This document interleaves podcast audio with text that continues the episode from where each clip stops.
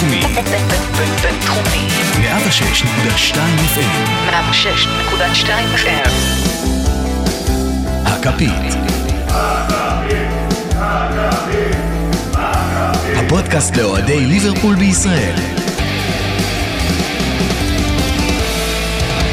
ברוכים הבאים לפרק נוסף, פרק חדש, פרק 9 של פודקאסט הכפית. מי שעוד לא מכיר, פודקאסט שכל כולו על מועדון הכדורגל ליברפול. מקליטים כאן מהרדיו הבינתחומי בהרצליה 106.2 FM. גם השבוע סוער בחוץ, אבל אנחנו מבטיחים לכם בפרק שלפחות הפעם לא יהיו רעמים, לפחות לא בעריכה. מי שעוד לא שם, שם לב, יש timeline לפרקים, אם אתם מרגישים שקשה לכם. פרק ארוך, אתם מאזינים בשביל תכנים מסוימים, אין בעיה, אל תביישו, לא נכנס עליכם, תעבירו לזמנים המדויקים, זה בסדר. היינו בפגרה קטנה, אבל זה שווה את הכוחות המחודשים, ולשמוע שהתגעגעתם אלינו, ויש לנו גם הפעם אורח מיוחד, אה, שנעלה אותו על הקו, לא פחות מניר אוי דוידוביץ'. מספורט אחד, מהפודקאסט בשירות הוד מלכותה. נדבר קצת עליו, נדבר קצת על הספר, נדבר על ליברפול כמובן. בוא ניתן בעלה עלה עלה ונתחיל. We come to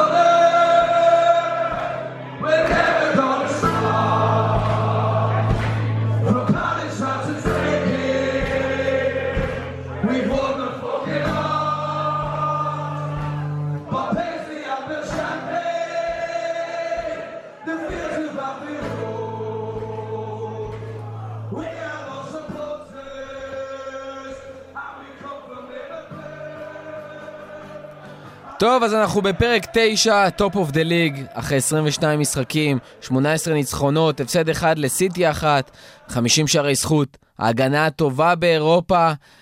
אני כאן, אריאל מורחובסקי, ולצידי רותם זמורה, האחד והיחיד, שהגיע איתי לעוד פרק אינטימי, ככה יצא שאנחנו שניים פה ביחד בחדר מאוד קטן אה, כן, הפעם, צפוף פה. אה, באופן לא צפוי.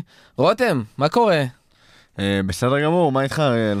Uh, טוב, היה לנו תקופה של uh, שבועיים שלא היינו פה ברדיו הבינתחומי, וחזרנו לפרק נוסף, הפעם רק שנינו.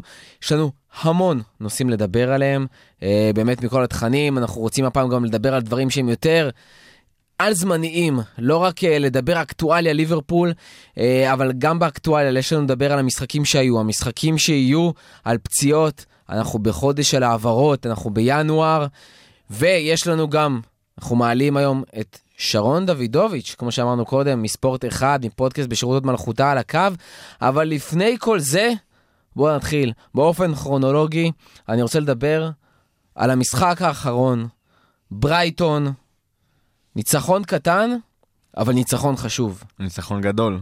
ניצחון לא- גדול. לא למה ניצחון בכלל. גדול? למה ניצחון גדול? ראינו את ברייטון, אה, שלא מצדיקה לגמרי את המיקום שלה, היא נראית מעולה. ההגנה, ש... ההתקפה שלה לא הייתה הכי מאיימת, אבל הקבוצה עמדה באופן מופתיע על המגרש. לא אפשרו לנו כמעט פתחים. באמת, קבוצה, קלופ דיבר על זה בריאיון אחרי המשחק, כמה הוא התרשם מהעמידה הטקטית שלהם ומאיזה משחק קשה זה היה. אמ, מעבר לזה, יש את העניין המנטלי שהיה פה מכשול לא קטן. אחרי הפסד לסיטי, הפ- הפסד בכורה העונה בליגה, והפסד לא נעים לוולפס בגביע, שתכף נגיע אליו, היינו ממש צריכים את הניצחון הזה. אף אחד במועדון, בקהל, בשום מקום, לא רצה עכשיו שיהיה פה הפסד שלישי ברציפות, ועשינו את זה, וכמו שקלופ אמר, זה היה המשחק הכי בוגר שלנו העונה. אה, אה, בדיוק כן. בגלל המכשול המנטלי הזה שעמד לפנינו, ובגלל שהקבוצה לא נכנסה ללחץ, היו הרבה מאוד אוהדים שנכנסו ללחץ, אבל לא ראית את זה על הקבוצה במגרש. אני חייב אבל לדבר פה על קטע מנטלי אחר. אני חושב שזה משהו שאתה רואה אותו המון בליברפול העונה, בגלל שאנחנו משחקים משחק הרבה יותר אה, רגוע, הרבה יותר סבלני, מפקיעים, יכול להיות לפעמים פחות שערים ממה שנדמה לנו, ומה שקרה העונה זה שסאלח הגיע למצב שתשעה משחקים הוא המפקיע פותח, ולא בהכרח כי הוא החלוץ או כי הוא השחקן התקפי הכי טוב שלנו והמפקיע הכי הרבה שערים, אלא כי הוא זה שבפער מאחרים מצליח להיות זה שמפקיע ראשון. אנחנו רואים את זה גם בהשוואה לליגה. שזאת אומרת, אם אנחנו מסתכלים על שחקנים אחרים, השחקן אחריו שהצליח לעשות את זה, כאילו הכי הרבה פעמים בקבוצה שלו, זה חמש פעמים, שזה, סאלח עושה את זה כמעט פי שתיים יותר.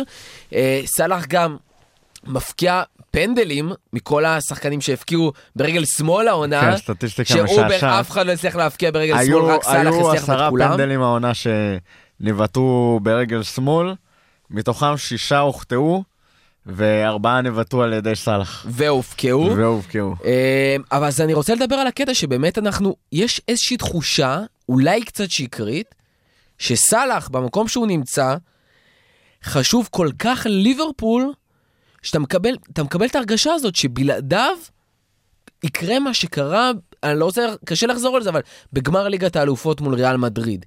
אין סאלח, אין את ליברפול שאנחנו מכירים.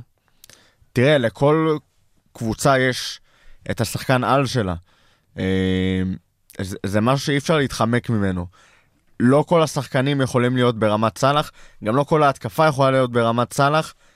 אתה יכול להחזיק פחות או יותר אחד כזה בקבוצה.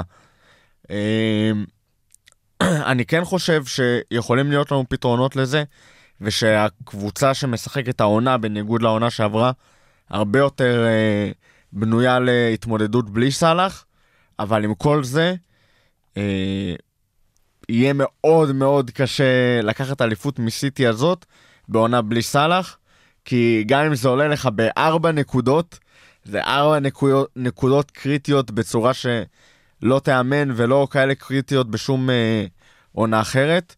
אז אה, כן, אני חושב שאנחנו עדיין קבוצת כדורגל מעולה בלעדיו, אבל אני לא יודע אם אנחנו קבוצת כדורגל אה, מעולה ברמת לקחת מסיטי את האליפות בלעדיו. בוא נקווה שלא נצטרך לבדוק את זה.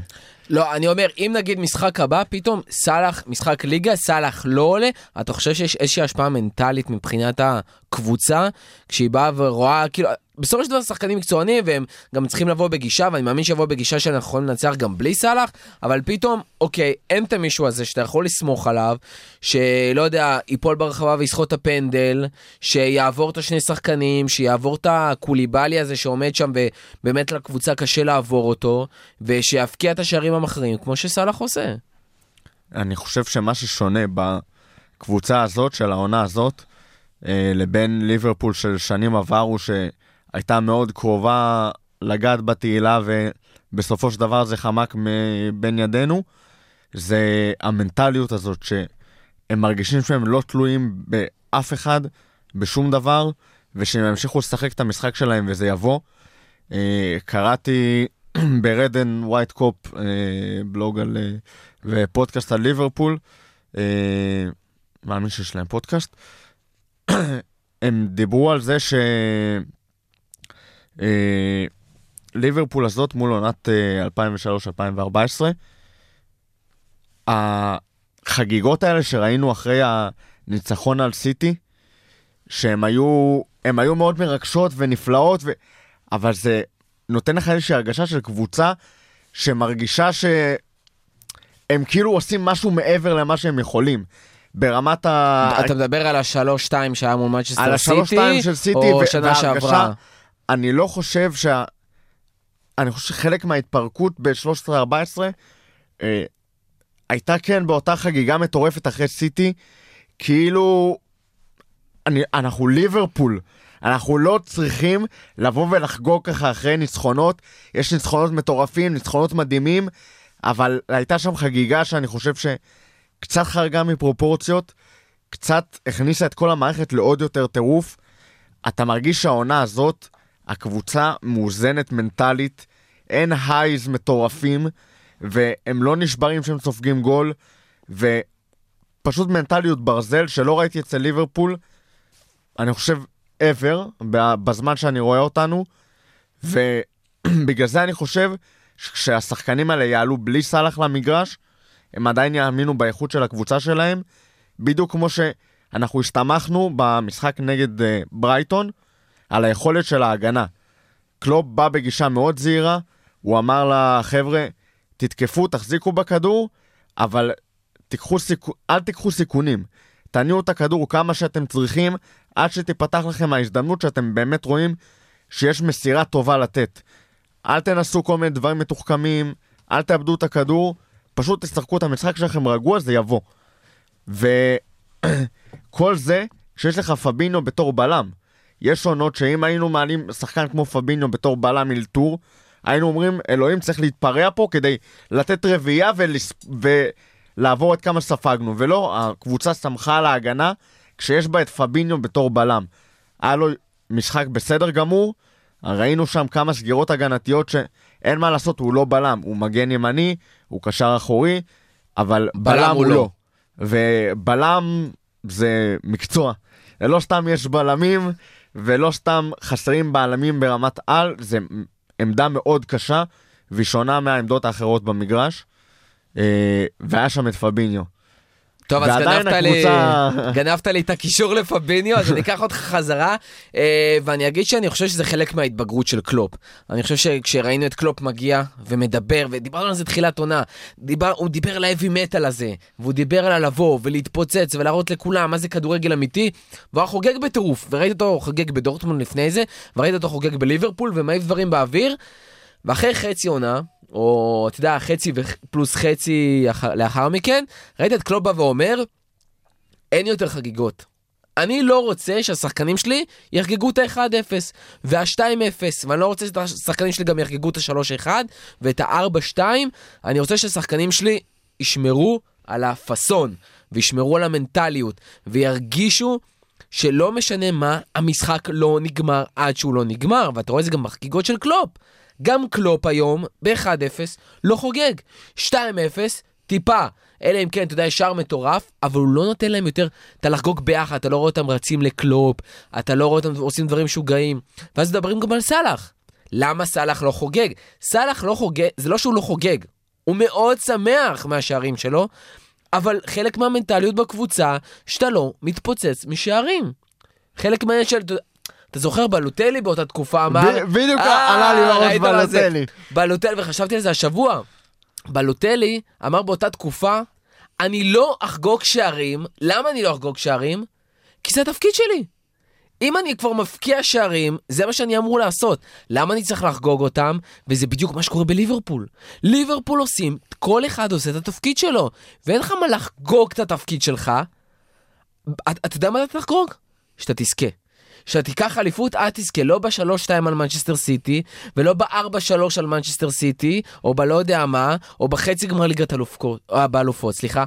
אתה תזכה כשאתה תזכה, כשאתה תזכה בתואר, ולזה קלופ מחכה. וכל האיפוק הזה, שהוא כל כך סמלי בעונה הזאתי, כי יודעים שעד שאתה לא זוכר, זה לא כדי לא לנכס, זה באמת מנטליות, שעד שאתה לא תזכה, עד אז אתה מחכה לאט לאט, לאט לאט, אבל כשאתה תזכה, זה יהיה החגיגה הכי מתוקה ומטורפת. ואפילו בקהל אנחנו רואים את האיפוק הזה.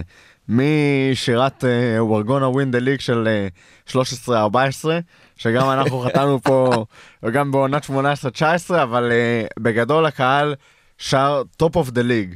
הוא מדבר על עכשיו, עכשיו אנחנו בראשות הטבלה, ב top, we're gonna win the league, אנחנו נשיר, אה, כש, כשתגיע העת באמת אה, אה, לשיר כבר we won the league. אה, מעבר לזה, זה... כשאנחנו נכנסים לפיגור, זה לא ממש קרה יותר מדי העונה, אבל ב... כשזה כן קורה, או בכללי שהמשחק לא זורם מי יודע מה, לא הקבוצה ולא קלופ מרגישים שהם צריכים עכשיו לעשות איזשהו שינוי מטורף בשביל לה... להביא את המשחק הזה חזרה לרגליים שלנו. הם באמת יודעים שהם קבוצה טובה. ואם קיבלנו גול, זה לא סיבה להיכנס לפאניקה, ולא אוי לא עכשיו הכל מתפרק. אנחנו נמשיך לשחק את אותו כדורגל ששיחקנו לפני השער הזה. אנחנו נעשה את המקסימום שלנו כמו שאנחנו עושים כל הזמן, ונמשיך לשחק את המשחק שלנו. וגם אם עברה מחצית ראשונה נגד ברייטון, מאופסת, בלי יותר מדי מצבים, אנחנו עדיין לא בפאניקה, גם במחצית השנייה, אנחנו נעלה חדים יותר, אנחנו נעשה קצת יותר תנועה, אבל אנחנו לא... עכשיו נחשוב שאם לא נזרוק את כל הכלים ההתקפיים שלנו קדימה מחצית שנייה, אז אנחנו לא נפקיע במשחק הזה. דבר אחרון על המשחק נגד ברייטון ונתקדם הלאה. היו הרבה דיבורים על הפנדל הזה של סאלח ועל כל הפנדלים שלו לאחרונה, על uh, צלילות וכל מיני, uh, הוא לא באמת נופל מזה ודברים כאלה. על הצלילות בכלל אני לא אתייחס יותר מדי, כי כל מי שיש לו עיניים רואה שמגע היה שם. מגע, משיכת חולצה, 50 פעם לפני כן, זה. יכול להיות שזה לא מספיק בשביל באמת להוריד בן אדם לדשא באופן מוחלט. אבל, אבל השריקות ברחבה הן מאוד בעייתיות. וגם אם בועטים לך ברגל, ואתה מאבד את כל היתרון שהיה לך, וזה עבירה לכל דבר, אבל אתה ממשיך לדדות לעצמך ברחבה, ולשחרר את זה בעיטה גרועה אחרי שבעטו בך, אתה לא תקבל את הפנדל הזה.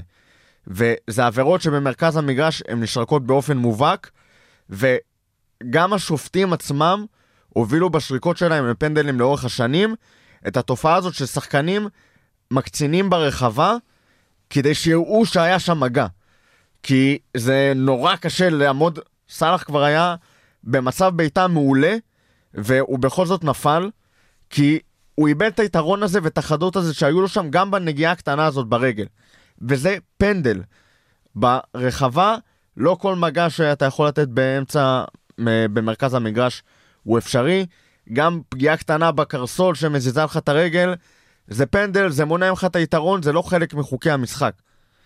וכשזה ברחבה, וכמו שאמרתי, שופטים קצת הובילו לזה, השחקנים מקצינים. אז בואו נעשה איזושהי הבדלה קטנה בין אה, צלילות ברמת הניימאר, שאף שחקן לא באזור שלו, ופתאום הוא... סטרלינג. סטרלינג, פתאום מנתרים להם באוויר, לא ברור, איזה שריר נתפס להם או משהו. ומול שחקנים שנופלים בצורה קצת יותר תיאטרלית בשביל לקבל את השריקה שכן מגיעה להם. גם הפנדל של קיין, אגב, ב- בגביע של אה, בין אה, טוטנאם לצ'לסי, היה סיפור מאוד דומה. הוא כבר, אמרו שהוא התחיל לזנק עוד לפני שנגעו בו באמת, אבל הולכים להוריד לך את הרגל, זה כניסה מסוכנת, זה, זה, זה פנדל לכל דבר. אה, כן, עשה מזה קצת יותר, אבל פנדל, ובעזרת השם שייכנס עבר, אה, אני מאוד מקווה שכל התופעות האלה ייעלמו, ושחקנים יקבלו פנדלים גם בלי לעשות אה, הצגות של קרפדה. טוב, אז פה אנחנו מסיימים את הדיון על המשחק מול ברייטון, ואני רוצה טיפה לחזור אחורה, ולדבר על המשחק מול וולפס, למרות שעברנו את זה ודיברנו, ואמרנו מראש, המשחק גביע הזה פחות חשוב לקלופ ופחות חשוב לליברפול, והיינו שמחים להשקיע בליגה, והיינו שמחים להשקיע בצ'מפיונס, ועכשיו זה יצא לנו בכלל לטובה, שאחרי המשחק מול קריסטל פלאס, אפשר לצאת למחנה אימונים בדובאי, לנוח קצת, לנסוע קצת על אופניים כמו שהם עושים במחנות אימונים, אבל אתה יודע למה אני רוצה לדבר על וולפס? אתה יודע למה? בגלל פציעה של טרנט. לא.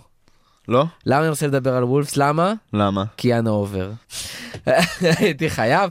אה, אז זה כן קשור לפציעה של טרנט, ומה שראינו בעצם זה שחקן שהגיע בקיץ מאייקס, בן 16, הספיק לשחק באנדר 18, במילואים, או אפילו אנדר 16, אנדר 18, מילואים, ולשחק בקבוצה הבוגרת. אה, שחקן שבמקור הוא מגן, הגיע, עכשיו הוא משחק בלם, בן 16 הוא כבר מטר 85 בערך, מטר 83 5, יש לו אפילו לאיפה עוד לגדול. משחק בדרך כלל מגן, מאוד כישרוני, פתאום עולה מול וולפס, דקה שישית, איכשהו, אנחנו שם את זה כרגע במרכאות, לוברן דקה שישית נפצע, אה, קיאנו עובר עולה על המגרש, משחק משחק שלם כבלם, אה, עמדה שהוא בדרך כלל לא משחק בה, ונותן תצוגה לא רעה בכלל לשחקן בן 16 במשחק הבכורה שלו בליברפול מול קבוצה ברמה גבוהה של וולפס, אה, כשאנחנו לא בסגל הבכיר. מה, מה אנחנו יכולים לראות אה, משחקן כזה? זה- זה משהו, אנחנו יכולים לבנות על זה שהוא באמת יהיה איזה סטאר מטורף כמו שאנשים עפים עליו, או שצריך קצת אה, להרגיע את הרוחות? אה, תראה, ילדים בני 16, לא משנה כמה נפלאים הם וכמה אה, מעולים הם בגילאים האלה, זה עדיין אפילו לא 50-50 אחוזי אה, הצלחה שלהם באמת להיות כוכבי על. אה, צריכים לעבור א', תהליכים פיזיולוגיים בגילאים האלה, וגם אם עכשיו אתה גדול ועכשיו אתה מתפתח כמו שצריך, יכול להיות שפתאום עוד שנתיים אתה תגלה שהחבר'ה שהיית יותר גדול מהם, פתאום יותר גדולים ממך, יותר חזקים ממך. יכול להיות שהגוף שלך לא ב... ראינו הרבה שחקנים שביקשו לשחק צעירים והגוף שלהם לא עמד בזה. זה דברים שאפשר, יש להם איזושהי אינדיקציה מסוימת בגיל 16, אבל זה לא בטוח. וזה עוד הפרמטר הקצת יותר קטן. יש את המנטליות שראינו המון שחקנים בגילאים האלה. עושים מהם באמת משהו גדול, הם כישרוניים בטירוף, אבל הם לא מצליחים לעשות את הקפיצה המנטלית שהם צריכים לעשות, לעבור באמת להיות שחקן בוגר. אה, כל מיני ימים שכורח הנסיבות של פתאום יביאו לך גם את קוליבאלי, ויש את ג'ו גומז, פנטזיה מטורפת, כן? אבל פתאום שחקנים דו, תופסים את המקום שלך ואתה לא מצליח להתפתח, השאלות לא מוצלחות, אלף ואחד דברים יכולים לקרות בזמן הזה. הוא אחלה פרוספקט, אנחנו נמשיך לעקוב אחריו. אני מקווה שיקבל עוד דקות במפעלים כאלה ואחרים. אה, אמן בכמה משחקים האחרונים, אחרי שכבר נבטיח את האליפות, שיראה קצת דקות משחק, אה, או אפילו השאלה כמו ארי ווילסון, ואמן שיתפתח למה שאנחנו מאמינים שהוא. אני באופן קבוע מוריד ציפיות משחקני נוער, אני לא אוהב להיאחז בזה. אבל אני אמרתי שאני חושב שאתה רוצה לדבר על וולבס בגלל uh, הפציעה של טרנט. אז בוא נדבר באמת, אה, דיברנו על טרנט קצת וגומז וזה, אז בוא נדבר באמת על, ה, על הפציעות. אה, לפני שנדבר על סך הפציעות ובאמת נעבור תכף על השחקנים, אני חייב לדבר על טרנט ולהזכיר משהו שדיברנו עליו בפרקים קודמים. אני חייב לציין שעוד במשחק עם ניו קאסל וזה, דיברנו על כך שטרנט לא יכול לשחק כל שבוע. וטרנט, אפרופו, דיברנו שחקנים צעירים שגדלים ומשחקים מוקדם, וקשה להם לשחק עם עומס. בבקשה לכולם, תראו מה קורה עם טרנט. טרנט, כשמשחק פתאום פעמיים בשבוע, והוא לא כשיר לחלוטין למשחק ואז הוא פותח, בום, באימונים אחרי המשחק, פתאום הוא נפצע. זה עומס שקשה מאוד לשחקן לעמוד איתו.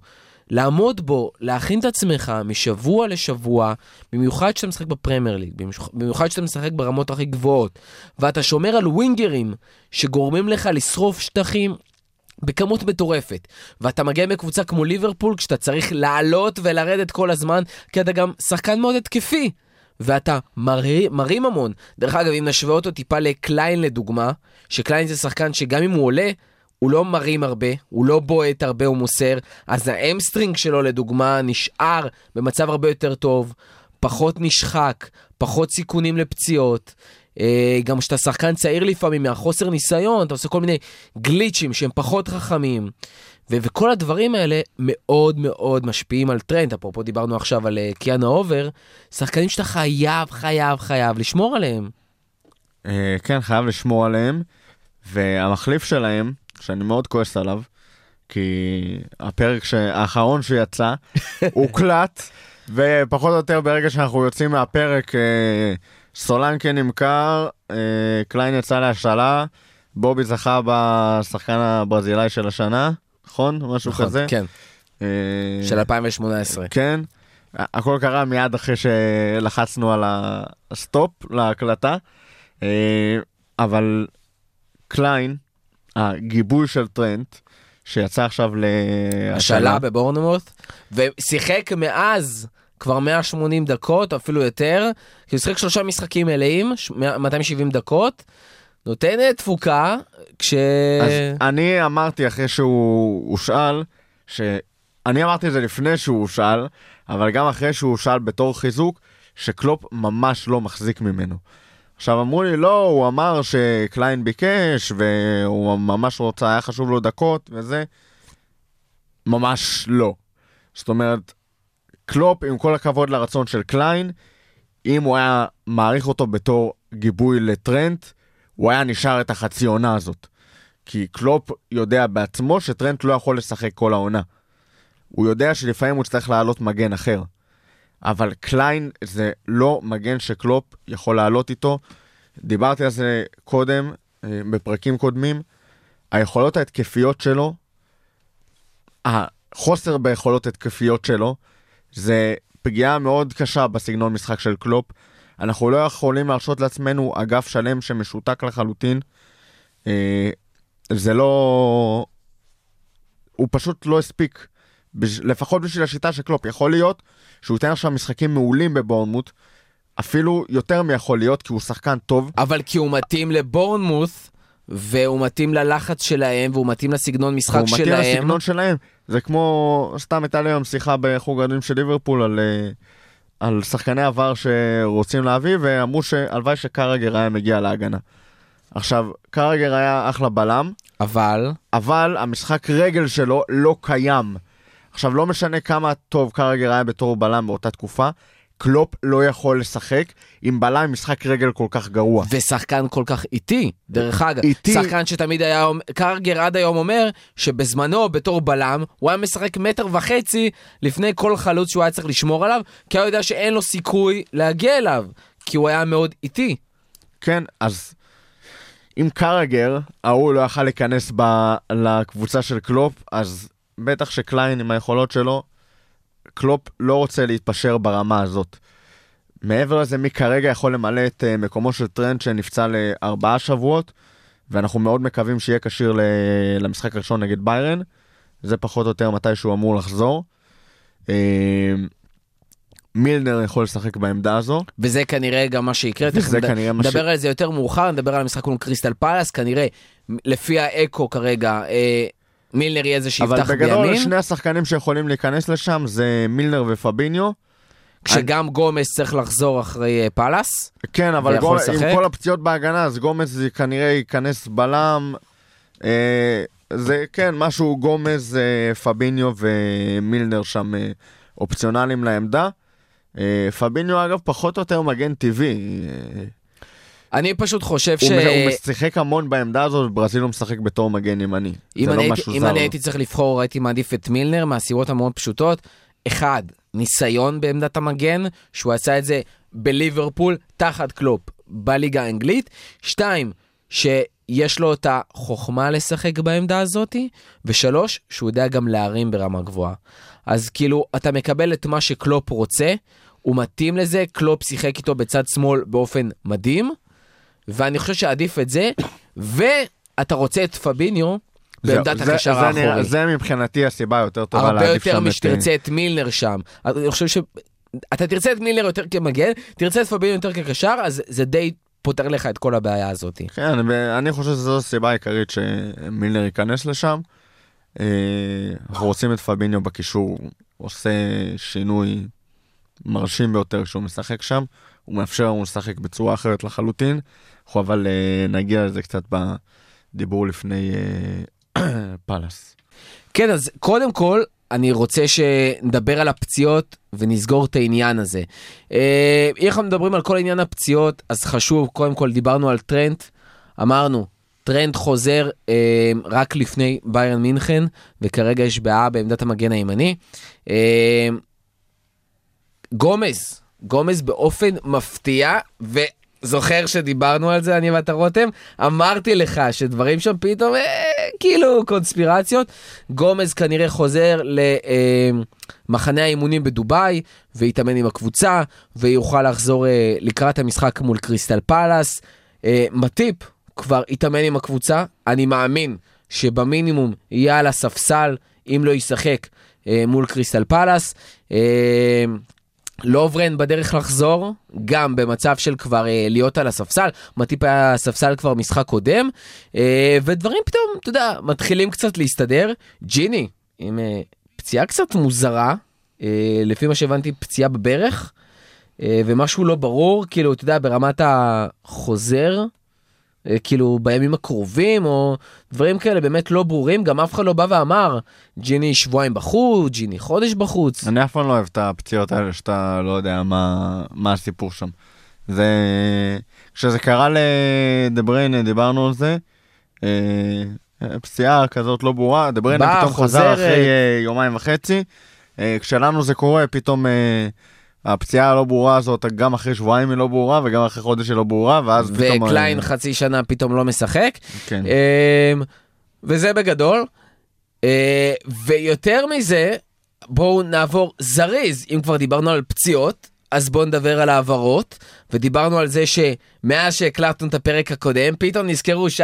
שעה אחרי סוף ההקלטה, ואנחנו כבר בתהליכי העלאה, אז קליין עזב את ליברפול. עבר לבורנמוט, השאיר את העמדה שלו ככה של מחליף מגן ימני פנויה, יחד איתו סולנקי גם נמכר לבורנמוט, אה, אפילו לא בניגוד הושל. להשאלה של קליין. כן. בדיוק, וסכום ממש ממש יפה. אה, 19 מיליון זה היה? 19 מיליון פאונד? כן. על, על דומיניק סולנקי. אה, ועכשיו, בלייב, ממש ככה לפני דקה, קיבלנו את ההתראה שרוברטסון חתם על אה, חוזה חדש לארבע או חמש שנים. חמש שנים לפי מה חמש שנים, שראיתי. חוזה ארוך טווח, אנחנו באמת אה, מברכים על ההחתמה, זה לא העברה, אף אחד לא יצא או נכנס, אבל זה, זה גם חלק מבחינתנו מהעניין. זה העברה, זה שחקן שהיה מאוד חשוב לשמור אצלנו. פרוספקט. אה, כבר לא, לגמרי, הוא כבר לא פרוספקט אדיר, הוא שחקן אדיר. ובוא נעבור זריז על השמועות. שמועה אחת שעלתה היום, אה, זה מטיפ, שיש דיבורים שבקיץ, בדרך החוצה, שהסיבה העיקרית היא הפציעות שלו, שבאות וחוזרות, וגם אם זה אה, פריקה של המרפק, שהיא לא בהכרח אה, פציעה שהיא ירך או משהו שחוזר, הוא כן שחקן שהוא יחסית פציע, זה שחקן שבאמת אנחנו רוצים אה, להעביר אותו בקיץ, או ששחקן שהיינו רוצים לשמור. אה, מטיפ, לא באמת שהצוות הרפואי יחליט, הוא לא שחקן שאי אפשר להחליף, הוא שחקן טוב, אפשר למצוא לו מחליפים, אה, קצת נון אישו מבחינתי, אה, שהצוות הרפואי יחליט מה ייתן את הדעה שלו, ומבחינתי זה לא רלוונטי כל עוד באמת יביאו לו מחליף, אבל אני לא מאמין שיישארו בלי מחליף למטיפ. מעבר לזה, אה, העברה מאוד משמחת. בעיקר כי היא סותמת הגולל על כל מיני שמועות מטופשות, וגם בגלל שהוא ישראלי. דבור לא יגיע לליברפול, מוחמד סאלח יכול לנשום בשקט, הוא לא יצטרך ללחוץ את היד של דבור ולא שום דבר, לא יהיה פה בלאגנים. התקשורת הישראלית יכולה ו- להירגע, כן, זה לא משהו שיקרה, שלה. וחוג אוהדים יכול להירגע, חותם בסיביליה, 15 מיליון יורו. אנחנו בתור ישראלים, וואלה דבור, בהצלחה, לדעתי קבוצה שתפורה עליו, מאמן שתפור עליו, שיטה שתפורה, אה, ושרק יצליח, יש לו עוד הרבה לאן להגיע. אה, יעבור לא בינואר, אלא בקיץ, אבל לגמרי סוגר לנו את כל העניין הזה. אה, חוזרים לאנגליה, טוטנאם, פתאום יש שמועות שרוצים את אוריגי. ופה הם יכולים להמשיך לרצות את אני אוריגי. מעלה את השאלה, אה, הדיבור הוא כרגע בינואר, ואני מאוד בספק ש... למי שלא אנחנו- מבין את הקונטקסט ולא עוקב בקיץ. אחרי העופות המיעוטים האלה, אז אה, קיין נפצע עד מרץ אם אני לא טועה. אין להם חלוץ, החלוץ המחליף שלהם לקיין זה יורנטה, ש... הם מפספסים אה, שני משחקי, כן מפספס בעצם, שני משחקים גדולים בליגה ברמת מנצ'סטר יונייטד וארסנל, אם לא טועה, יש מצב גם צ'לסי שם, שני משחקי צ'מפיונס ליג, זאת אומרת משחקים סופר קריטיים, הם בלי קיין שנפצע, הם בלי סון. שיוצא לאליפות אסיה עכשיו מילואים. לחודש, אה, יוצא למילואים, אה, ובאמת צריכים חלוץ, נשארו עם יורנטה שכבר ממש מבוגר, ואני בספק שיכול לעשות את העבודה, אה, עם עוד הרבה שחקנים פצועים, כל הקישור שלהם בערך פצוע, יש להם שני שחקנים בני 20 כשירים, כשדמבלה, בזמן שהוא פצוע, עוזב את טוטנאם לסין. כן. אבל בגלל זה. גם דיברנו בפרקים הקודמים קצת על היכולת שלהם לאיים על מאבק האליפות. אה, הסיבה הזאת, הסגל הקצרצר, אה, זו הסיבה העיקרית שאמרנו שהם לא מסוגלים, והנה אנחנו רואים את זה מתפוצץ מאוד מהר, אה, אבל אני לא מאמין שאוריגי ילך לשם. זה כבר יהיה ממש כאילו פרוע מבחינת קלופ, וגם לחזק יריבה שלך, גם אם היא לא בהכרח תהיה יריבה ישירה אליפות, כאילו זה טוטנאם, אני לא בא סתם לחזק אותם ב... בשחקנים, בטח שלא באמצע העונה, ובטח לא שחקן שעוד ייתכן ונשתמש בו, כי כמו שדיברנו אה, על סאלח ועל האפשרויות שהוא ייעדר, אז יש את סטאריץ' שהכשירות שלו מוטלת בספק, ואת סולנקה נמכר. אה, איפה עוד... אה, גם אנחנו צריכים את אוריגי. זהו, כדי אז- שאם הקיין שלנו, שזה סאלח ייפצע, אז יהיה מישהו שייכנס במקומו, אז אנחנו ממש לא ניתן את אוריגי. יכול להיות שאני ממש אוכל את הכובע, ואחרי ההקלטה של הפרק הזה נגלה שאוריגי נמכר, אבל uh, אני לא מאמין שקלופ ימכור אותו, זה יהיה נורא מוזר. אם כבר זה לוקח אותי לגמרי לנושא שדיברנו עליו כבר, וכמה חשוב שכמו שיש לנו את העומק בקישור, יהיה לנו את העומק בהתקפה, אה, ואם זה כרגע לשמור על סטאר ואוריגי וגם כמה שיותר כשירים ושיוכלו לשחק, אז אה, באמת להביא עדיין רכש לקיץ. ואם אפשר גם לסגור אותו עכשיו, ועוד פעם השמועות באקו מדברות על זה שקלופ עדיין רוצה לפחות בקיץ, אה, לא מדברים על ינואר אבל בקיץ, שחקן מספר 10, מדברים על חלוץ, מדברים שוב, חוזרים על טימו ורנר, כמה שהוא חשוב, אה, כמה ששחקן כזה חשוב, כמה שחשוב לעבות את כל ההתקפה שלך, כמו שאיבדת את הקישור, כמו שמנצ'סטר סיטי איבדו את ההתקפה שלהם, שפתאום כשאגוארו לא משחק, אז יש לך שחקנים כמו סטרלינג, ויש לך שחקנים כמו מחרז, ויש לך שחקנים כמו סאנה, ויש לך פתאום דה ברוינה אה, לא משחק, ולמרות שהוא קשר, פתאום בא לך מישהו כמו אה, דוד... אה, סילבה? אה, ד- אה, לא דוד סילבה, אה, ברנרדו סילבה, סליחה. ברנרדו סילבה. דוד שבאמת. אה, יכול, כן, אה, שבאמת יכול אה, למלא את החור, וממשיכים לתקוף כמו שהם שיחקו עונה שעברה, וזה, וזה מטורף, וזה משהו שלגמרי, לגמרי, לגמרי צריכים לעשות בליברפול. אה, ו... טוב, אז אנחנו רוצים לעלות על הקו, לפני שאנחנו מדברים על המשחק מול קריסטל פלאס, למי שלא מכיר, את שרון דוידוביץ', עובד ספורט אחד, פרשן בספורט אחד, קולגה בעולם הפודקאסטים, עם הפודקאסט בשירות עוד מלכותה, אה, שכל כולו על הפרמייר ליג, אה, שמעלה פרק מדי שבוע, שכמובן אנחנו מאוד אוהבים ומעריכים, יוצר כתבות תוכן בחסד. אה, שהרי בשביל זה הבאנו אותך תכלס, להגיד לך שחס וחלילה לא תעשה לנו כתבה, שלא תנכס את המועדון, אבל אה, שרון, מה קורה? לא, אין לנו זמן, זהו, נגמר הזמן. זהו? כל הפתיח, זהו, כבר אין לנו מה לדבר. הפתיח חשוב, היה. חשוב להסביר לכולם. יפה מאוד, מה קורה? אני נהדר, מה שלומכם? מעולה. מעולה. אתם מבסוטים אה, מההונאה? אתם מבסוטים. ראית מה זה? בגלל זה היה חשוב לנו לדבר. איתך ולמנוע את הסיפור הזה. אבל לא, אה, קודם כל אנחנו רוצים לדבר אה, כמובן על הספר, על אגדות דשא, אה, שהוצאת עם אסף מ- כהן. מוציא, פתח לנו אדסטארט. מנסים. אז בוא תספר כן, לנו קצת למי שלא מכיר. טוב, אז קוראים לספר הזה, יקראו לו אגדות דשא. אנחנו שמנו אותו כרגע בקמפיין אדסטארט. אגדות דשא, 50 הכדורגלנים הגדולים ביותר בדור האחרון. זה למעשה ספר המשך למה שהוצאתי לפני קצת למעלה משנה על הכדורסלנים. אה, זה ספר שבעצם מסכם תקופה מהמונדיאל של 1994, כשהעולם הפך להיות, אה, עולם הכדורגל הפך להיות גלובלי וכפר אחד קטן עם הגלובליזציה והמונדיאל בארצות הברית ואחרי זה חוק בוסמן, עד ימינו אנו, הדור המסקרן, המרתק, המצליח ביותר בתולדות הכדורגל. אה, ממש מדרגים מ-50 עד אחת, אבל זה רק תירוץ כדי לגרום לכם ולמי שיקרא את הספר להיכנס להמון המון נוסטלגיה והמון רגש, ובמקום לדבר על אה, מספרים ועל מפות חום ועל מסירות מפתח, אז לדבר על, אה, לדבר על מה שחשוב באמת, וזה על האנשים, אפילו לא תמיד על הכדורגלנים. יש הרבה סיפורי כדורגל, אבל יש גם הרבה סיפורים על החיים. אה, ולנסות לנתח כל אחד, בין אם זה מבחינה אישית, בין אם זה מבחינה תרבותית, אה, לנסות להבין מה ההשפעה של זלטן איברהימוביץ' על המהגרים בשוודיה, של דניס ברקאמפ, על התרבות ההולנדית, אה, פרקים קצרים עם איורים אה, מרתקים, אה, עם, עם כישורים גם לכתבות, גם לסרטונים, ובאמת משהו שאנחנו באמת באמת עושים, עושים מהלב. אז מה זה בעצם הדור האחרון? לפי מה קבעתם את זה? תראה, היה מאוד מאוד קשה אה, לבחור את הדור. אה, היה מאוד מאוד קשה לבחור את הדור הזה, אה, מתי הם מתחילים. עכשיו, קודם כל דור מבחינת אה, זמן זה 25 שנה, זה ההגדרה המילולית, המילולית של אה, דור. אה, ואמרנו, מתי נתחיל? 94, לא 94. אמרנו, נתחיל את זה אחרי הגמר צ'מפיונס, הזכייה של מילאן בגמר ליגת האלופות. זאת אומרת, זה, יש שם המון שחקנים שהם ישנים קצת יותר, וזה דור קודם, ופרנקו ברזי ודונדוני וכאלה. ואמרנו, נתחיל ממונדיאל 94.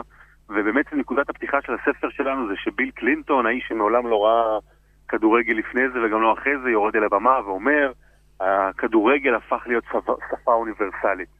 ובאמת, כדורגל היום זה שפה אוניברסלית, זה המשחק הכי פופולרי בעולם, זה משחק שהדור הזה כל כך השתנה, אתה יודע, כוכבי תרבות, כוכבי אינסטגרם, כוכבי פייסבוק, אה, העולם הזה אחרת לגמרי והוא מרתק, ואפשר דרך, ה, דרך השחקנים ללמוד הכל. עכשיו, השאלה אולי הכי טבעית לשאול אותך, זה כאילו איזה סיפור הכנסת של אה, אוהדי ליברפול, אה, ל- ל- של, של המועדון והכל, אבל יש משהו אחר שאני חייב לשאול, כי יש, את יש, כל יש, הסיפור... יש לכם מקום מאוד מאוד חשוב.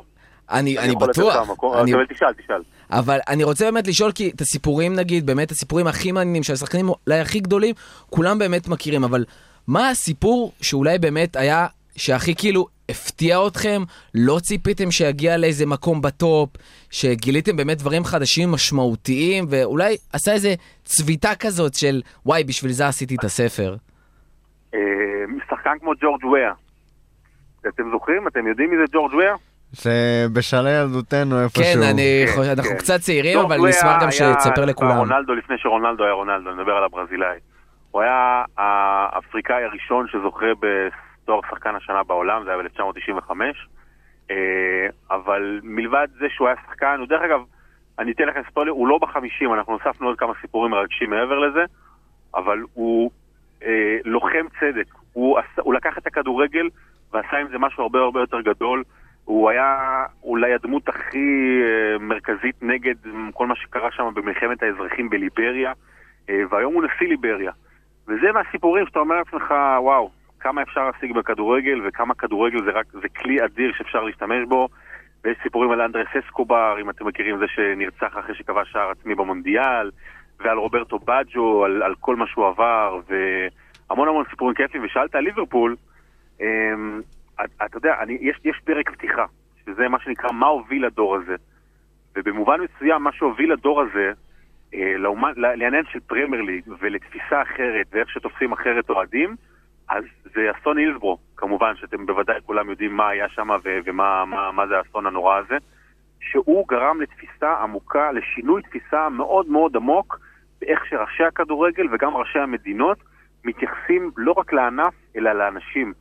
אם פעם היו חושבים שהם איזה חוליגנים שבאים להתפרע וכל מיני דברים כאלה, ואתם בוודאי מכירים את הסיפורים באסון הילסבורו שהיו לילדים, לילדים ולנערים בדקו בדיקת אלכוהול, אז uh, זה השתנה לגמרי, והיום בפרמייר ליג וגם בישראל אין גדרות, ויושבים בסך ב- בעיקרון אחד ליד השני, ו, וזה הפך להיות מקום הרבה יותר תרבותי ומשפחות, uh, וזה התחיל שם. מבחינתי, איך שאני תפסתי את זה וגם כתבתי בספר, זה שם היה הבום הגדול, ומאז הכל השתנה. אה, אז מעבר לזה, שרון, אה, דיברנו על רגעים שהיו. אני, אם אתה כבר איתנו, אני רוצה טיפה על, ה- שיהיו. על הרגע שעכשיו. אתה חושב, כן. מה, ההרגשה שלך, העונה הזו של ליברפול עשויה להיכנס ל- למהדורה הבאה של הספר שלכם? אה, תשמע, מבחינת אה, יכולת, אין ספק. עשינו שם גם את אה, דירוג חמש הקבוצות הכי גדולות. ליברפול לא היה כל כך מה להכניס בדור האחרון. לא. לצערנו. אבל, תשמע, אני, יש לזה הקלטות וזה, אני ב- בקיץ האחרון אמרתי שליברפול הולך לזכות באליפות. אז, אה, אז זהו, אני, אני הייתי מאלה שבאמת שמעו את זה, ואחד הדברים שהיו. שם זה שליברפול תזכה פחות בזכות, אלא יותר בזכות מנצ'סטר סיטי, שתשקיע בעיקר בצ'מפיונס ו- והכל, ואנחנו גם רואים היום את ההשפעה הזאת, שליברפול נשארה עם אה, שתי מסגרות, מנצ'סטר סיטי עם ארבע. עם ארבעה, כן. ארבע. והשאלה, את- אתה עדיין חושב שזה חלק משמעותי, או שיש פה הרבה יותר עניין של בזכות אה, עצמה? לא חושב שזה כרגע משמעותי. תשמע, לסיטי, צריך להגיד את האמת, גם לליברפול כרגע, אבל לסיטי יש כמות פציעות מטורפת. אתה יודע, זה לשחק כמעט עונה שלמה, בלי השחקן הכי... תחשבו שליברפול בלי מוחמד סאלח, אוקיי? אז מנצ'סטר סיטי משחקת בלי דה ברוינה, אין, אין, אין שחקן יותר חשוב משם. אז נכון שבשיטה של פפ ובכלל בסיטי זה, זה אולי טיפה, רוב הזמן זה לא מורגש, והוא גם, מה- פפ גורדיולה, הטעות הכי גדולה שלו שהוא לא הביא קשר אחורי, נוסף, כמחליף לפרננדיניו. וראיתם, שני משחקים הוא לא היה, ושני משחקים הם הפסידו. אה, מה שהופך אותו לקשר האחורי הכי משמעותי של העונה בליגה. אה, זה עוד רחוק, תשמע, אנחנו עוד לא יודעים עוד מה יהיה, מתישהו תבוא הנפילה של ליברפול, היא עדיין לא הגיעה, היה לה הרבה מאוד מזל, היה לה הרבה מאוד יכולת במשחקים שהיא לא הייתה טובה, אה, אבל תשמע, זה נראה שאני אני כתבתי טור לפני שנה במכירה של קוטיניו. אה, אני כתבתי שם שזה הרגע המשמעותי, זאת אומרת שזה הדבר הכי נכון, שזה להמשיך הלאה, שזה אה, להיות עם אנשים שרוצים להיות במועדון הזה, שזה עכשיו להתחיל להפציץ 80 מיליון על בלם, ואם צריך 100 מיליון על שוער, ו-180 מיליון אם צריך על חלוץ, אין מה לעשות. ליברפול, אצלה זה קורה מכספים שהיא מרוויחה ולא מאוליגרכים, אז זה קצת יותר נעים לעין, אבל חייבים להוריד את הכפפות. ואני חושב שהשינוי בליברפול הוא, אה, הנקודת מפנה הייתה ברכישה של, במכירה של קוטיניו ומיד אחרי זה ברכישה של ונדייק. זאת אומרת, אלה שתי, אם, אם ליברפול תזכה באליפות, אז זה התחיל שם. אוקיי, בינואר 2018, כשוונדייק הגיע. עם כל המשמעויות של זה. אבל שם זה נקודת ההתחלה. מסכים איתך לגמרי. אה, תודה רבה שרון. אנחנו באמת מפצירים. ב- בכולם. חפשו את שרון בטוויטר או את אוי דוידוביץ' בפייסבוק, אה, וכל מי שבאמת אוהב את התחום, את הספורט, אנחנו באמת מפצירים בכם. תעזרו לפרויקט, אה, אנחנו נשים אה, לינק בכל הפוסטים שאנחנו מפרסמים את הפודקאסט, כדי. שבאמת אה, תוכלו להיכנס. שרון, תודה רבה. עבודה נהדרת, כל הכבוד. גם אתה, תודה. נהנים ממך. היי, להתראות. להתראות. אז הנה הזמן, פאלאס, אמרנו קריסטל פאלאס, אמרנו שבת הקרובה, חמש בערב, אנחנו פוגשים את קריסטל פאלאס באנפילד למשחק נוסף, המשחק ה-23 בפרמייר ליג העונה. רותם, מה מצפה לנו? מה מצפה לנו? אה, מצפה משחק עם אה, מעלה טראומות, המשחק הזה נגד פאלאס. אה, במשחקים האחרונים הולך לנו די טוב נגדם. אנחנו עם אה, חמישה ניצחונות מתוך שישה משחקים אחרונים נגד פאלאס. אז זה לא כזה טראומטי, כאילו אנשים הפכו את פאלאס כי אתה יודע, נותנים לנו את המפולת, את התיקו, את ההפסד, אה, כל עונה, וזה לא משהו ש... זה כבר לא קורה.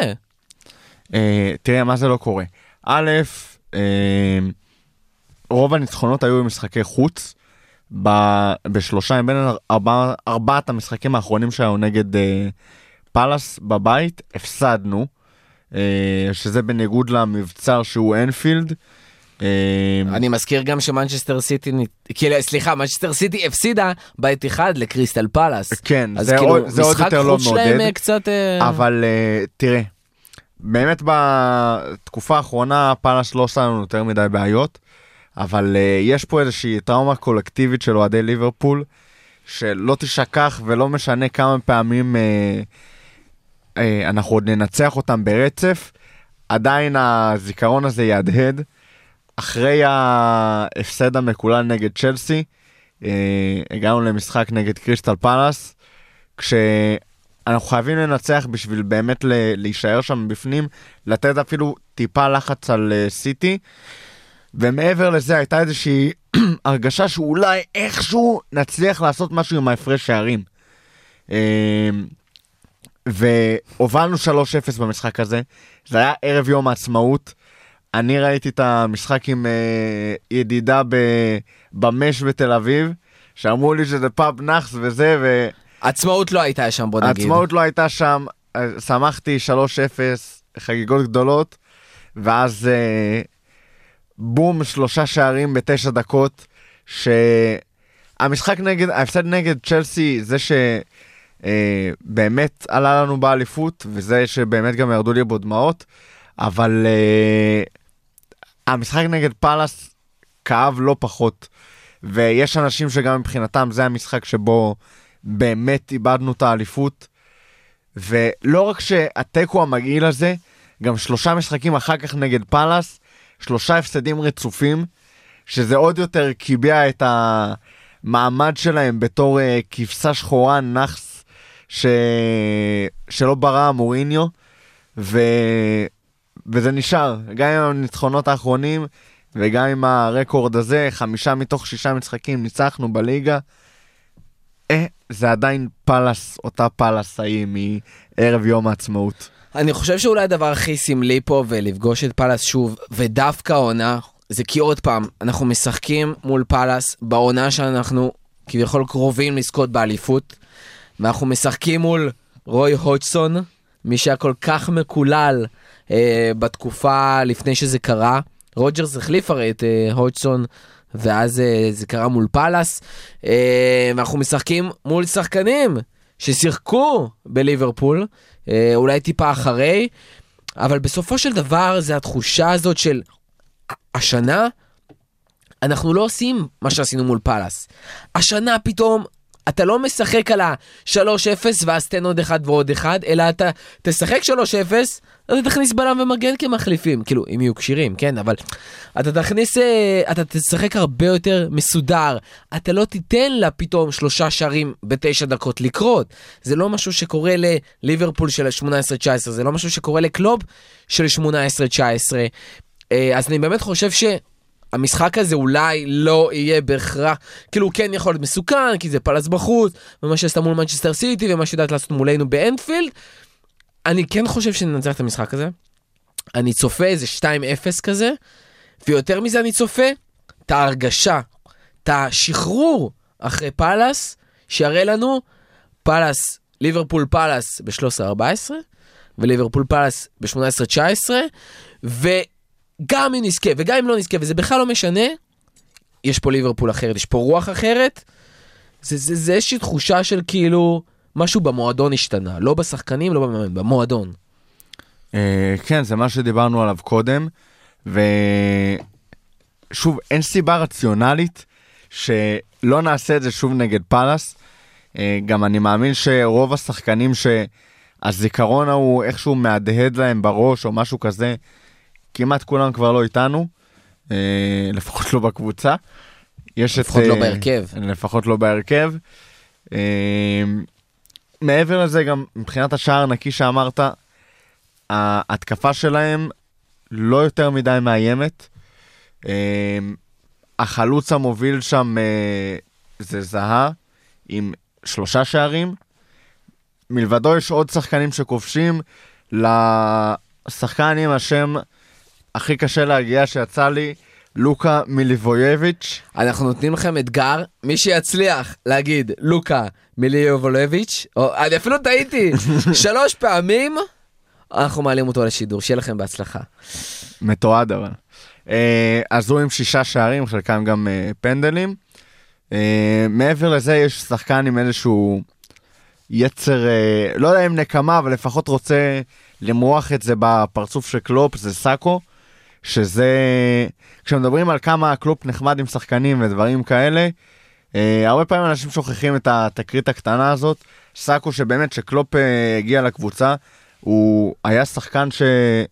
הוא היה בלם טוב, הוא היה כנראה הבלם המוביל שלנו, אה, באמת נתן יופי של משחקים, אבל אז קלופ הגיע והיה שם איזשהו מחנה אימונים ואיזשהו tackle לא ברור, שלא הגיע לאיזושהי סולחה, וסאקו מצא את עצמו מחוץ לליברפול, ב...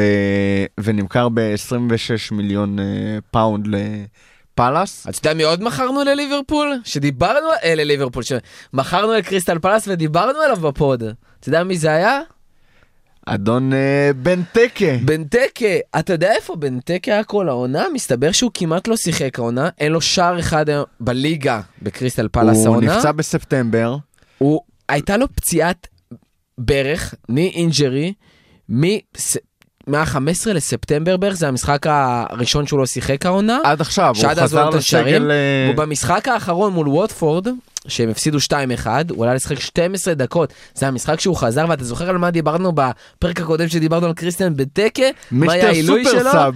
מיסטר סופר סאב. אז אם נראה לכם שלא תהיה כפית, הנה אמרנו את השם של הפרק, בפרק, את השם של הפודקאסט בפרק, אם נראה לכם שלא תהיה כפית וקריסטיאן בטקה לא יעלה וייתן איזה פתאום שער בתור סופר סאב, אז לא, אה, ש- אל תקראו לי מורחו. יציק, הוא, הוא בנטקה, גם תמיד בתור אוהד כדורגל, אני לא יודע אם זה, כאילו, זה באמת ככה, או שזה הרגשה שלנו אוהדי הכדורגל, איכשהו תמיד האקסים שלך מצטיינים מולך. או השוערים של היריבות שאף פעם לא שיחקו, של היריבות ואחרי. שנתיים בלי משחק פתאום יודעים להצטיין. אני, אני לא יודע כאילו אם זה באמת משהו שקורה לליברפול, או שזה איזשהו נרטיב ששקוע בכל אוהד, אבל יש לאקסים שלנו בדרך כלל נטייה אה, קצת אה, להחזיר לנו, אה, למעט רעים רחים סטרלינג, ש...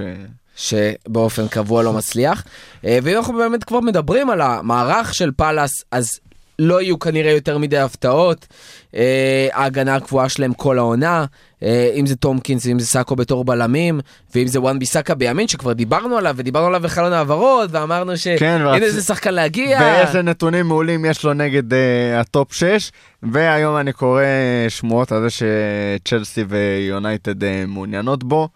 אה, אני גם מעוניין בו, אני מבקש להוסיף את השם שלי בכותרת. אה, אבל כן, באמת קבוצה, יופי של קבוצה. אה, צריך לזכור שבסופו של דבר השחקנים גם, הסגל שלהם הם משחקים כאילו הגנתי ומתפרצות, אבל וואחד שחקנים למתפרצות. טאונסנד בכושר לא רע עונה בכלל, אחד השחקנים הכי טובים שלהם, ועם שערים מדהים, עם שני שער, שערים כבר שמועמדים להיות שערי העונה בפרמייר ליג. אה, זהה עם המהירות המטורפת שלו ועם הדריבל שלו, אה, שלופ ומאייר, שחקנים סופר כישרונים אז בהתקפה. השלישייה הזאת שנמצאת באגף שמאל שלהם, שתוקף את הצד של אה, ארנולד הפצוע, וגם פביניו בדרך כלל, כאילו, כנראה עכשיו ישחק ה- הבלם הזה.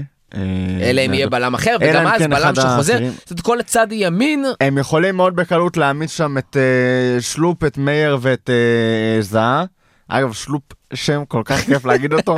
בוא נגיד אותו אה, שוב, אחרי שאתם. מתאוששים מלהגיד אה, מיליבויביץ' שלוש פעמים, אז אה, תנו לכם בפרגון ככה שלופ שלופ תנו שלופ. לכם בשלופ וזה ירגיע אתכם ככה.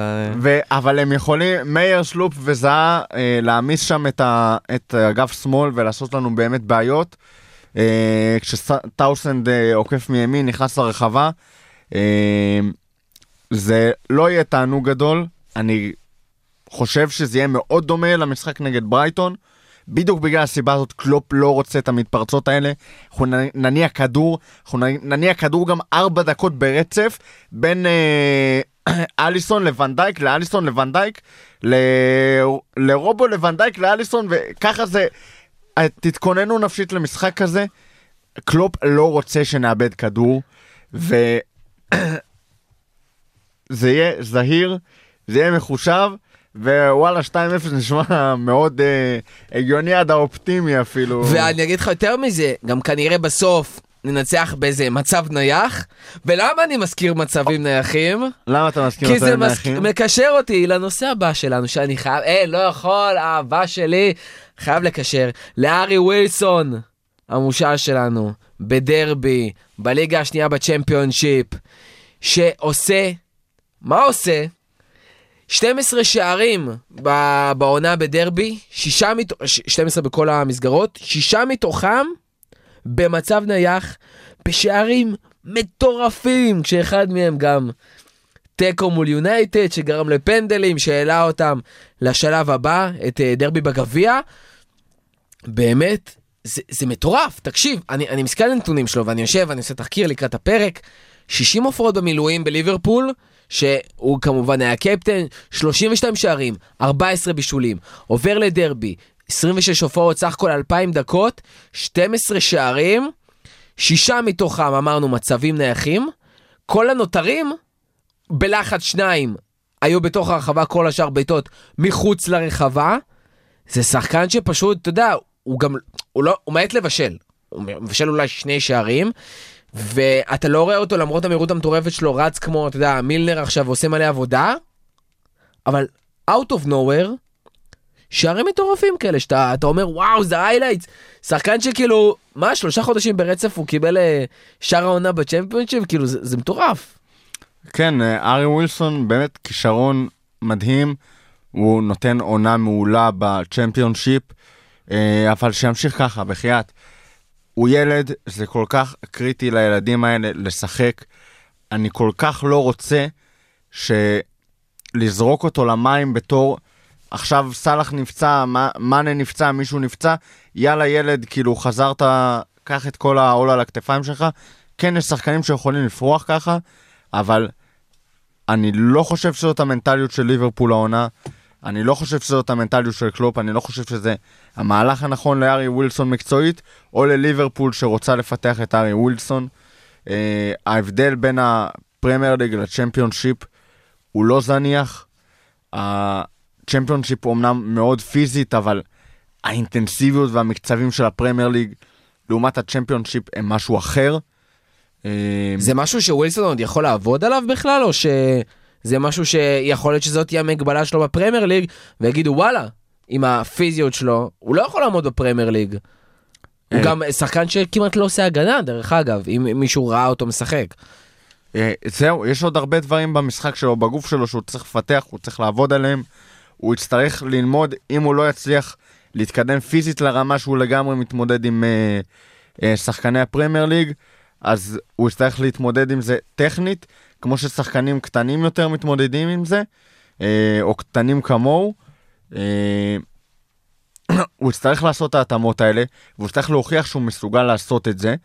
ואני לא רוצה שזה יקרה עכשיו בחצי עונה הזו, זה לא הזמן לארי ווילסון.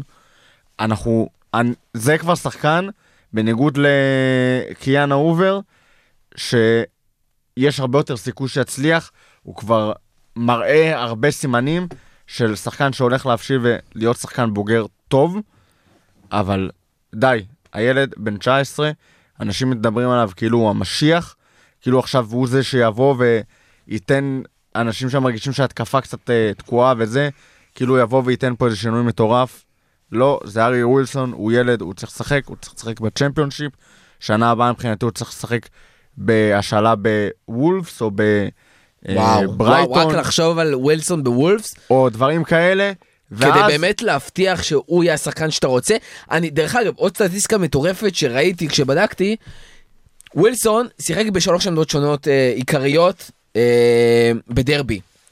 winger ימני, winger שמאלי, ומתחת לחלוץ כקשר התקפי, או קשר התקפי מפוזר.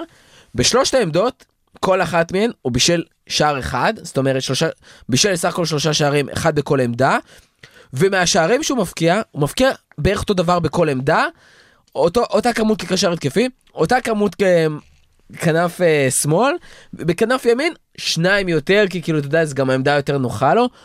שחקן שסופר מתאים לקלוב בעניין הזה, מעולה, הוא יתאים סופר גם בעוד שנתיים. אבל או שנה וחצי. זהו, זה, זה בדיוק העניין.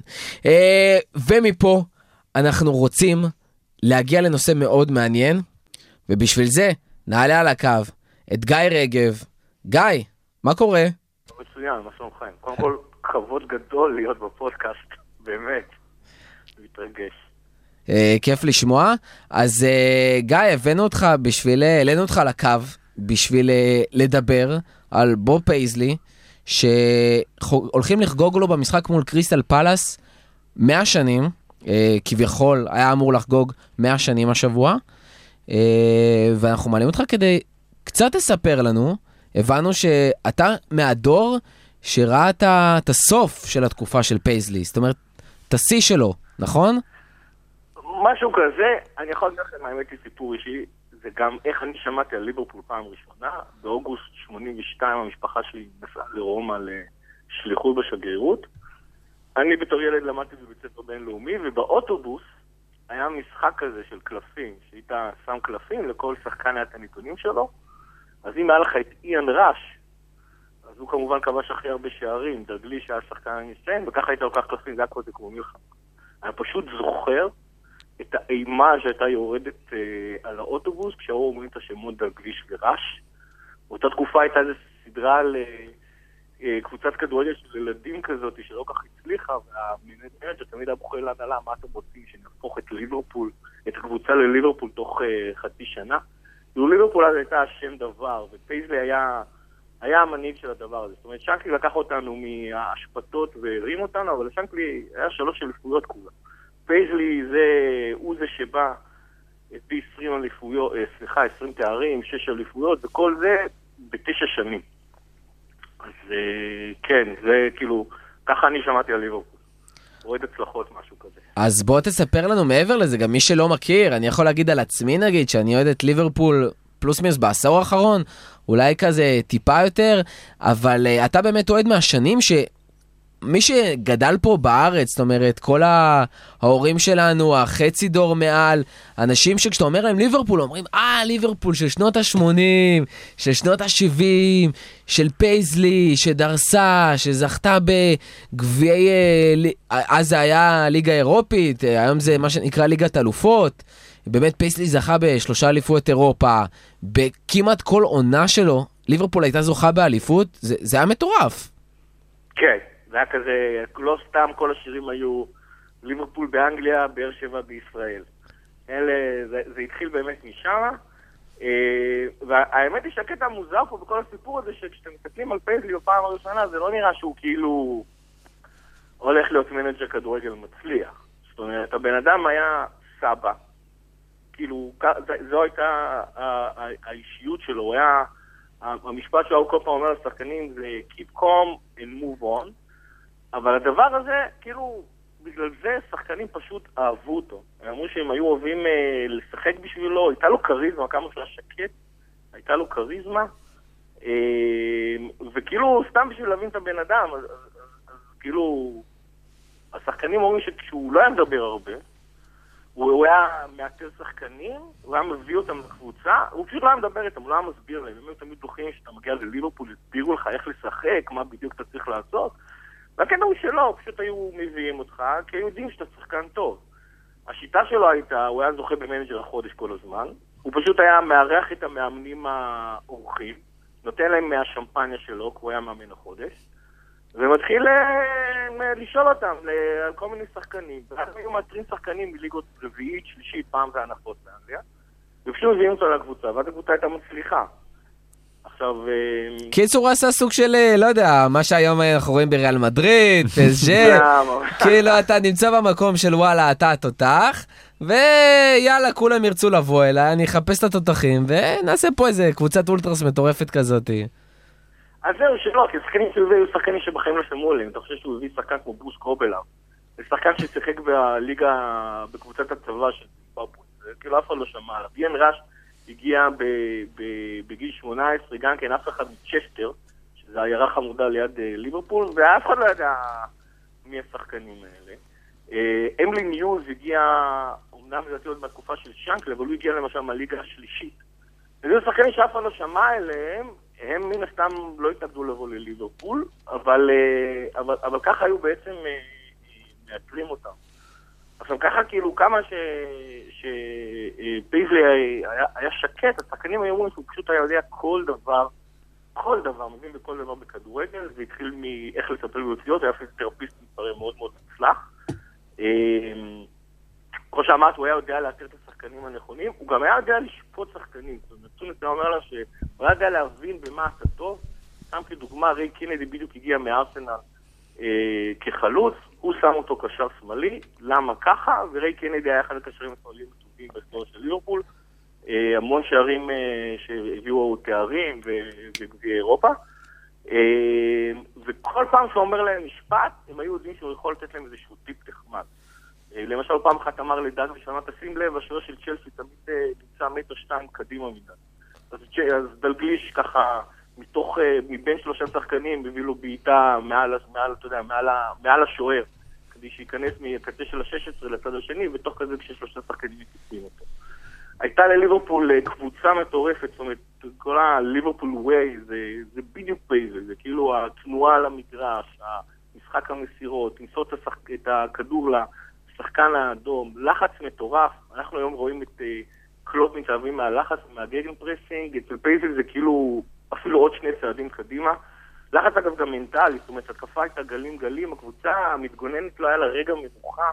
שחקנים, אתה לא יודע מאיפה הם באים, פתאום המגן הימני בא מאמצע המגרש, פתאום הקשר השמאלי עובר ימינה, דברים שכאילו, בכדורגל המודרני לכאורה כולם עושים את זה, אבל אז פייזלי היה מאוד חדשני בדבר הזה. אם אתה מדבר ככה על פייזלי, אני די בטוח שאנשים שמאזינים לנו עכשיו אה, אומרים, וואלה, זה כאילו, זה קלופ, אתה יודע, להביא שחקנים out of nowhere, ופתאום מפגיזים איזה ליגה שלישית, אה, או לשים אותם בעמדות שככה, הם לא הטבעיות שלהם, ולהגיד למה, כי ככה, ולתת להם את הטיפים הקטנים, ולך יש את התחושה שיש בזה מן הפייזליות, או שזה זה משהו שונה? לא, לא, זה מאוד, זה כן, יש בזה מאוד. אני זוכר שבאמת לא מזמן, אה, בטעות ראיתי ביוטיוב אה, איזשהו משחק בתקופה של פייזלי, ואמרת בואנה זה אותו דבר. אני, אני אפתיע אתכם, פייזלי פשוט היה עדיין הרבה יותר טוב. אה, כי מה, קלופ מה, באמת הפך אותו למעבר ללהביא את השחקנים הנכונים, מעבר לתת את הטקטיקות המדויקות האלה, כי הוא גם היה, אמרת, כמו שאמרת, הוא סבא כזה, הוא רגוע. מה, מה הפך אותו ל- להיות כל כך טוב?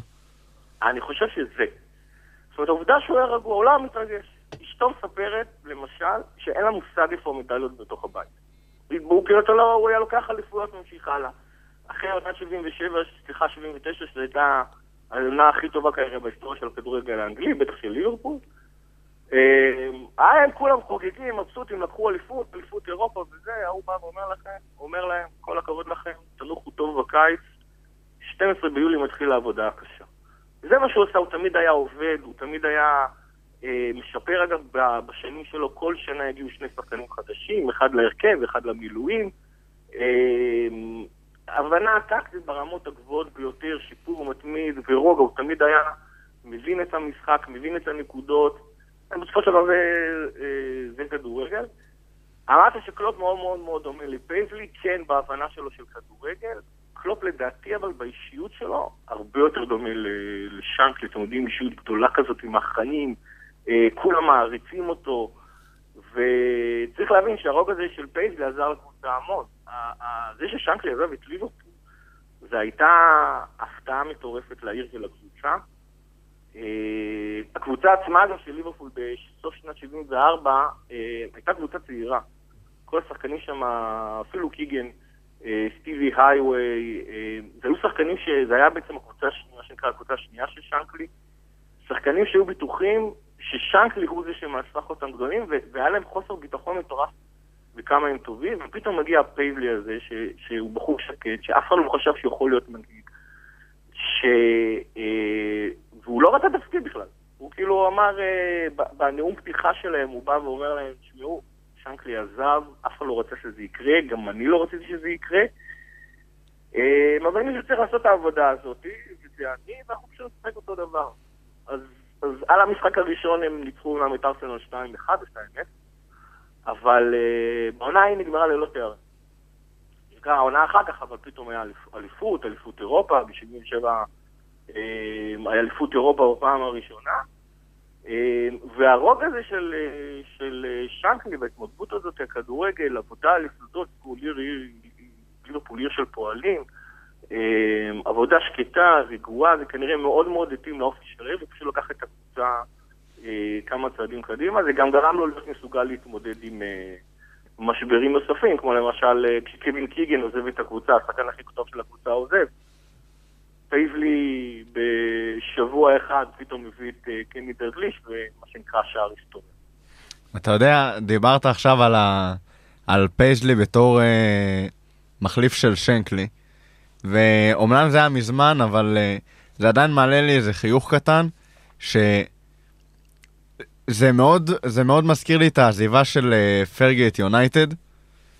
שנקלי אצלנו פחות או יותר זהה למעמד של, אה, של מה שפרגי עשה שם. בנה באמת את ה essence של המועדון, את המהות שלו, אה, ושנקלי עזב, והגיע לו מחליף ראוי, שלא רק שהשתמש ב... ב... במה ששנקלי הכניס, לרוח של שנקלי, הוא גם מינף את זה לכמות מטורפת לגמרי של תארים, ונורא נחמד לי שהמחליפים של... שלהם אין איזה של בוב פייזלי כן. שיגיע, ולהם יש אה, דיוויד מויס. ו- ומוריניו וונחל, ואיזה תקופה נהדרת. כן, האמת היא, תקופה נהדרת. האמת, יש בזה משהו, תשמעו, אני חושב שבמידה מסוימת הסיבה שסושר מצליח ושזידן הצליח בריאל מדריד, העובדה שהם, אתם יודעים מה, אפילו פפ אה, בברצלונה, מבלי שום ניסיון אימון קודם אה, של קבוצה בכירה, נובע מזה שהם כאילו באים מהמועדון, מכירים את התרבות של המועדון, לא, סתם כל אחד ואחד מהם אישיות כדורגל אה, מרשימה בפני עצמה. אה, ובאמת ה-DNA הזה ש, ש, אה, של קבוצה עבד, הקבוצה באמת המשיכה לשחק אותו דבר. אה, זה גם מראה, אתם יודעים מה, לדעתי זה גם מראה קצת על הגדולה של שנקלי, שגידל יורש. אני לא יודע אם הוא חשב לגדל יורש, אם זה באמת היה ככה, אבל כאילו, כנראה שמערכת היחסים בין שנקלי לפייזלי היה שם שיתוף פעולה, היה שם בוא תתבטא גם אתה מול השחקנים, וזה לא היה אני ה-one man show, להפך, הם כנראה נורא נורא איטיים, שאנקלי היה הרבה יותר אה, מוחצן, פייזלי היה, כמו שאמרנו, מופנם, זה כנראה מאוד מאוד עבד, ה-DNA הזה אגב המשיך, אה, כשפייזלי פרש, מי שהחליף אותו היה פייגן, שגם כן היה עוד מהימים של שאנקלי. אה, שני האחרונים אגב שהיו מהימים של שאנקלי זה רוי אוונס ורוני מורן, זה קצת סיפור אחר, אבל בין לבין זה היה בחורצ'יק שהיה player manager אה, אה, בליברפול, נקרא קני דלגליש. פייזלי היה יועץ לקני דלגליש. עכשיו, זו לא סיטואציה נוחה, כולנו פה מוציאים כל מיני סיפורים אה, של, ספורט, שכאילו יש את המאמן ומביאים יועץ, ובדרך כלל היועץ זה כזה דמות שמביאים אותו למקרה שה manager ייכשל, אז ממש ממש לא. פייזלי בא לעזור לדלגליש, ופייזלי כבר הבין שכאילו זה עכשיו דלגליש הוא ב front ויעזור לו, זה כאילו איזשהו מערכת יחסים הרבה יותר אה, אה, בריאה, הרבה יותר חברית, כנראה מתאימה מאוד לאופי של ליברפול, אנשים בעצם רוצים לעזור אחד לשני ולא אה, משחקי אגו. אה, אגב, היה באמת כהכנה לשיחה הזאת איתכם, ראיתי באמת איזה מישהו שאמר שהוא לא מצליח להבין איך פייזלי ו... ודלגליש בכלל הצליחו לדבר, כי לפייזלי היה כמובן סקאוזרי שחצי מהמשפטים שהוא אמר לא הצלחתי להבין אה, בכלל, ודלגליש מהכיוון ההפוך היה במפגש של- אה, של גלזגו, שגם כן אי אפשר להבין שום דבר. אה, שהוא כדורגל זה זה... כן, מדברים את שפת הכדורגל. שפה בינלאומית. ש- בדיוק, קלאסי. הם כנראה זרקו, כמו שאמרתי, אבל כנראה פייזלי היה בן אדם של שלוש מילים בערך. אז אה, ככה הם תקשרו. טוב, אז אה, תודה רבה. תודה רבה, גיא, היה לנו שיחה מרתקת. תודה אה, רבה לכם. אנחנו אה, נשתמע. וזהו, סיימנו כאן להיום. חלאס, חפרנו, אבל אתם לא סיימתם. כל דבר שיש לכם לומר, להגיב, אתם לא מסכימים איתנו, כן מסכימים איתנו. שאלות, פידבקים, לשיפור, דברים להוסיף, כל דבר. כתבו לנו בכל אחד מהפוסטים שאנחנו מפרסמים, אם זה בעמודים, אם זה בקהילה של חוג אוהדי ליברפול בישראל. אה, אנחנו רוצים לשמוע, רוצים לדעת מה יש לכם להגיד, או מה יש לכם לכתוב במקרה הזה. אה, אתם מוזמנים גם לכתוב לי בטוויטר, חפשו אריאל מורחובסקי. תודה ליאיר אביבי על העזרה בתחקירים לפרק. תודה לשרון דוידוביץ' וגיא רגב שהיו איתנו. אוהבים אתכם. תודה רותם. תודה לך. ולפטר!